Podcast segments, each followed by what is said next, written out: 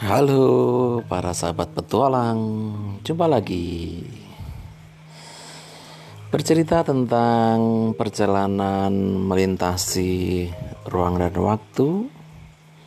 Di sini aku teringat cerita yang pernah dikisahkan ibuku dulu di waktu aku masih kecil dan ini sungguh uh, berdasarkan kenyataan cerita nyata.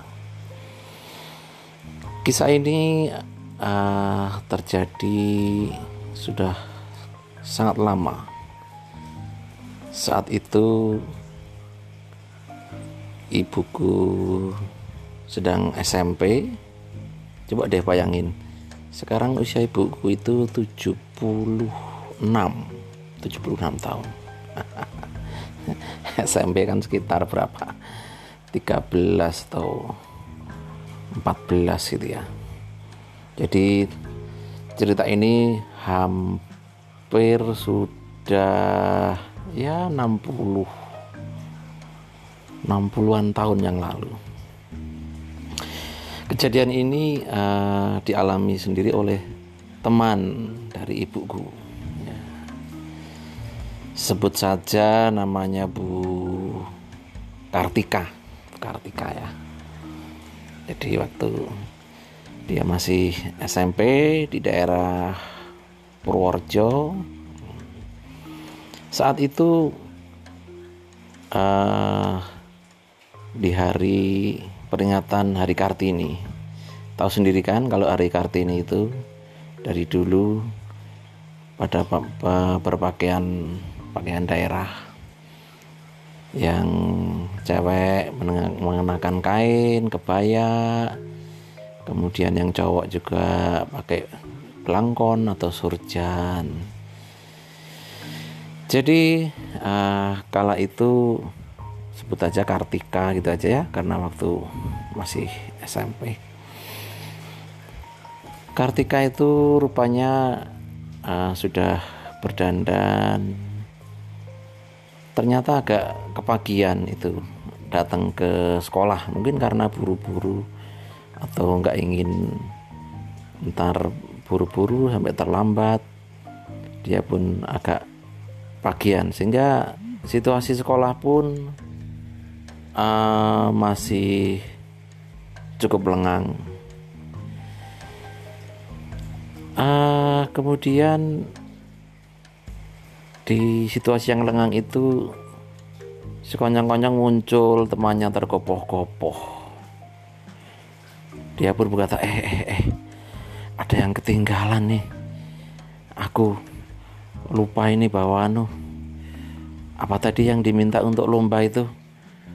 Bawa itu kain apa dan sebagainya. Gua lupa ini yuk yuk tolong antar aku deh sebentar aja deh yuk. Balik ke rumahku. Cepet kok. Itu naik bis juga sebentar juga sampai atau angkot. Akhirnya Kartika pun kasihan mengikuti temannya aja karena juga mungkin waktunya masih gak longgar. Akhirnya dia pun naik angkot. Naik angkutan ya waktu itu ya mungkin uh, semacam kol atau bus yang agak ya model-model tua gitulah. Waktu itu arahnya uh, Purworejo ke arah Jalan Magelang. Ke arah Jalan Magelang.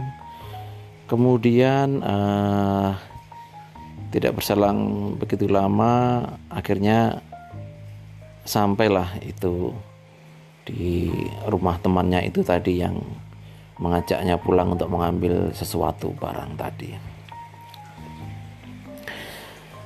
Temannya pun segera uh, buru-buru dan menyelinap ke belakang dapur dan rupanya uh, rumah itu sedang ada hajatan. Cukup banyak ibu-ibu yang sibuk mempersiapkan memasak di dapur. karena menyelinap lewat dapur kan temennya pun masuk rumah akhirnya Kartika itu pun tertahan di dapur tengok-tengok temennya kok nggak muncul ah tapi aneh apa yang dia saksikan ternyata ibu-ibu itu dalam memasaknya itu langsung menggunakan tangannya. Artinya bikin serundeng ya langsung diorak-arik pakai tangannya tanpa pakai uh, sotel sotel itu apa ya? Uh, alat masak untuk semacam untuk menggoreng gitu ya. Atau susruk. Aduh kok lupa bahasa Indonesia kalau bahasa Jogjanya terkenal sotil ibu-ibu yang menggoreng rempeyek pun langsung dengan tangannya sambil dibolak-balik di atas minyak panas. Tapi heran, mereka tidak merasa panas. Jadi mereka memasak begitu saja, tidak pakai alat bantu untuk menahan panasnya entah itu minyak, entah air. Kartika pun uh, heran, bengong, kaget dan spontan dia pun uh, baca-baca sebisanya. Astagfirullah. Uh, sekonyong-konyong pun saat dia baca-baca sesuatu sebisanya, ibu-ibu yang memasak itu pun uh, menjerit kepanasan. Kemudian uh, Kartika pun juga menyadari ada yang ganjil. Lantas dia pun terus mengucapkan hal seperti itu. Najubillah, astagfirullah. Walaupun uh, dia lontarkan enggak terlalu keras, tapi reaksinya ibu-ibu yang masak tadi pun kemanasan. Akhirnya ibu-ibu yang masak pun mencari-cari sumber biangnya apa itu yang menyebabkan itu. Sementara teman Kartika yang dinanti-nanti itu uh, tidak kunjung muncul juga. Heran mengambil barang enggak kunjung muncul. Akhirnya ibu-ibu pun curiga pada Kartika.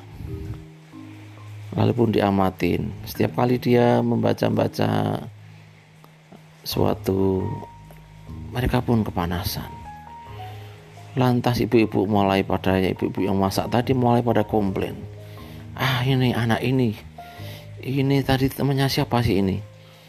Ini merepotkan aja di sini, bikin susah. Aduh, bisa-bisanya ini sampai sini bagaimana sih ini tadi?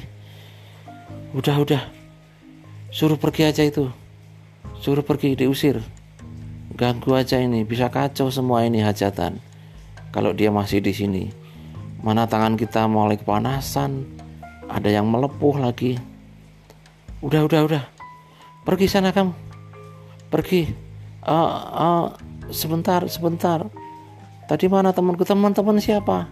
Sini nggak ada nggak ada temanmu tidak ada anak yang sekolah seperti yang kamu bilang tadi kamu bilang apa tadi? Kartini, Kartinian siapa itu Kartini?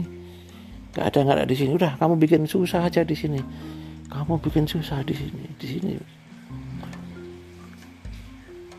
Pelan-pelan suara iruk pikuk orang memasak tadi pun mulai tidak terdengar dan akhirnya uh, pelan-pelan situasi hajatan rumah yang cukup besar di pinggir jalan pun tadi juga menghilang dari pandangan Kartika. Ah, ke mana tadi ya? Aku di mana ini sekarang? Kok seperti ini? Sepi. Hanya angin-angin bertiup.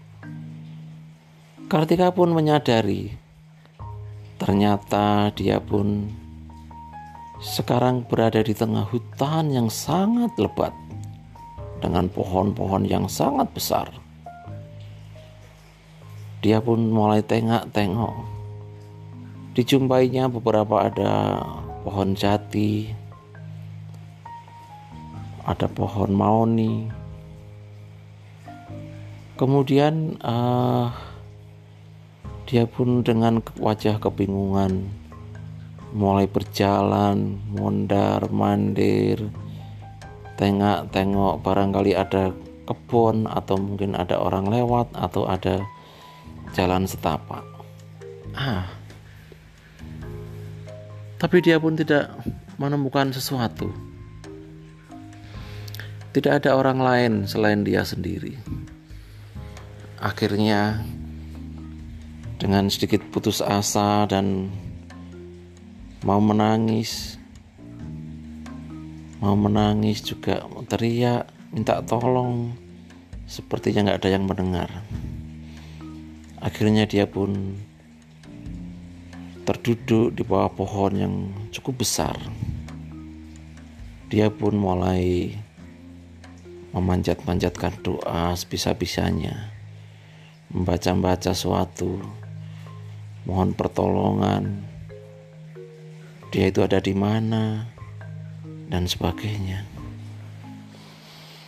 Akhirnya di tengah kebingungan komat kami dia berdoa.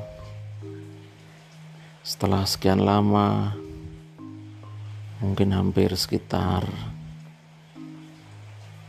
2-3 jam, nampak juga sudah mulai agak petang, dia pun mulai cemas tapi uh, pelan-pelan dia mendengar ada suara kersak, kresek, cetek, cetek. Ah, dia pun mulai agak berharap ada harapan. Dia cari dari mana suara itu berasal dan dia coba dekati. Aha, ternyata ada seorang nini-nini atau nenek-nenek yang sudah cukup tua. Dia sedang memunguti daun-daun jati yang pada jatuh menguning kering. Daun-daun jati itu memang kadang bisa digunakan untuk uh, sebagai pembungkus atau juga pembungkus untuk tembakau atau juga uh, daging atau makanan yang lain. Nenek-nenek itu pun uh, sepertinya agak cuek gitu aja. Walaupun uh, si Kartika mencoba mendekatinya, tapi dia merasa seperti kok tidak ada tanda-tanda uh, merespon kedatangan Kartika. Akhirnya pun Kartika mencoba menyapa nenek itu dengan panggilan yang uh, panggilan Jawa. Mbah, mbah, yang artinya nek, nek, mbah. Lantas nenek pun juga nenek itu pun sedikit kaget dan menoleh. Loh, kowe tondok atau kamu tona untuk anak perempuan? Ada apa? Kamu kok ada di sini itu? Bagaimana kok sampai sini itu? Bagaimana ceritanya? Wong ini di alas yang besar istilahnya alas gung lewang lewung. Iya nek. Akhirnya Kartika pun menceritakan bagaimana dia tadi sampai tiba-tiba tersesat di situ. Nenek itu pun manggut-manggut. Lantas bertanya, "Terus gimana? Kamu ingin bagaimana? Mau ikut aku atau mau pulang?" "Ya, saya mau pulang, Nek. Ini mau pulang. Ini aku pasti sudah dicari-cari temanku di sekolah." Aku juga sudah ini hampir sore nggak bisa ngikuti kegiatan di sekolah. Ya sudah, kalau kamu memang ingin pulang, syaratnya gini. Nanti kamu pejamkan matamu, lalu berjalan mundur ke belakang tujuh langkah. Ingat ya, tujuh langkah. Sebelum tujuh langkah, kamu tidak boleh membuka matamu. Paham ya, Nduk ya? Nggih, Mbah. Ya, ya, ya, Nek, saya paham. Sudah. Kamu sekarang coba pejamkan matamu. Tutup matamu. Ingat ya, sebelum tujuh langkah tidak boleh membuka mata. Nggih, nggih, Nek. Iya, Nek. Akhirnya Kartika pun menjalankan seperti yang diperintahkan nenek itu. Satu, dua, tiga, empat, lima, enam, tujuh. Setelah yakin tujuh langkah, Kartika pun terhenti dan membukakan matanya. Ceng. Dia pun gelagapan, aneh, heran. Seketika itu dia sudah berada di tepi jalan. Tepi jalan dan sudah ada penunjuk jalan. Oh, ternyata dia berada di Paraan. Paraan itu kota kedua di daerah Temanggung sebelah barat kota Temanggung dan di situ pun uh, sudah ada lalu lalang kendaraan tak lama kemudian ada bis yang berteriak-teriak Magelang, Magelang, Magelang, Magelang. Dia pun ingat untuk pulang ke Purworejo. Dia pun harus terlebih dahulu ke Magelang. Syukur nanti dari Magelang masih ada bis ke Purworejo.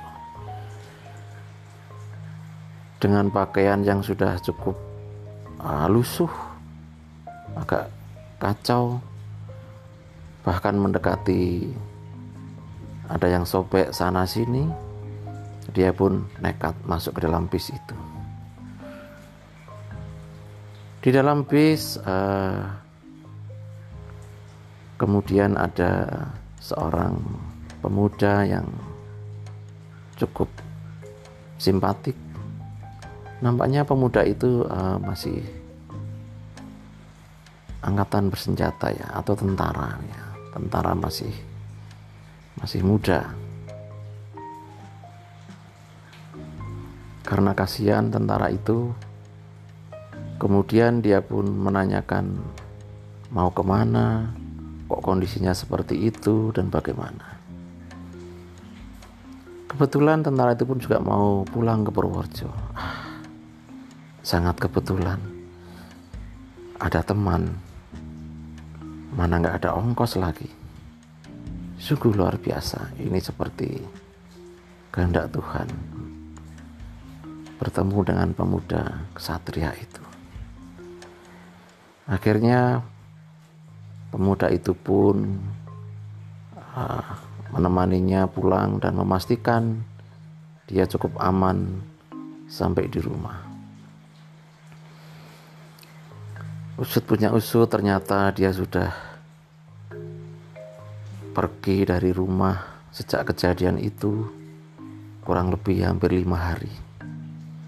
Wah pantas sudah cukup dekil, cukup lapar luar biasa.